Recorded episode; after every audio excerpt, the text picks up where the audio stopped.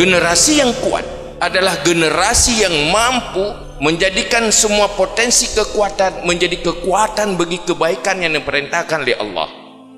Nyo yang diperintahkan oleh Allah bagi tanya, nyo kuatir sampai nak generasi lemah.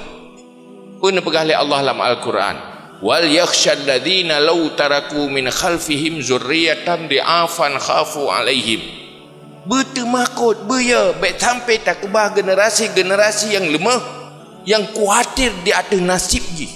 Hancur agama ji, hancur kemaslahatan udip ji. Sehingga menjadi budak-budak bagi umat yang lain. Igop dipersiapkan anak untuk menguasai anak orang lain. Itu yang mengana untuk ikuasai le orang lain. Ikuasai ulai ji bersesat. Ikuasai perilaku ji bersesat. Sehingga udip dalam dunianya hanya untuk kuburan lubang neraka. Rela baik minta-minta rezeki. Rela baik bergaul. Rela datang takut. Maka bertimuh sabuh inspirasi dan rasa takut.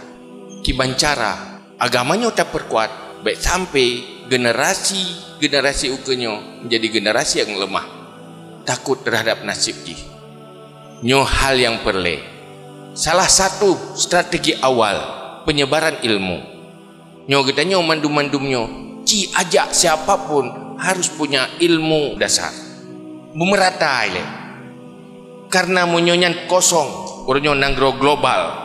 Munyo jamun urang hanatro ilmu hana ilmu orangnya hanjik ke musuh agama. Tapi orangnya orang yang hana ilmunya icok igop diisi menjadi musuh agama. Sejarah zaman hana pernah tak ada bahawa orang Aceh secara ramai-ramai dia ke pasukan Belanda. Itamang Jepang hana orang Aceh secara ramai-ramai dia ke pasukan Jepang. Tapi igop nah orangnya dalam perang pemikiran sesat dalam global kamu lagi tak kalah. Anak-anak Aceh urung-urung Aceh jika pasukan aliran sesat pasukan pemikiran sesat. Hanya gara-gara demi cari uang. Generasi Aceh zaman berhasil.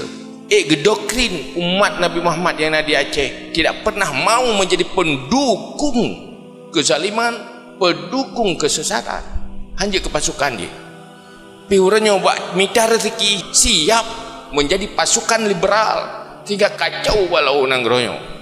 Orangnya so yang lemah digulung dan digilas.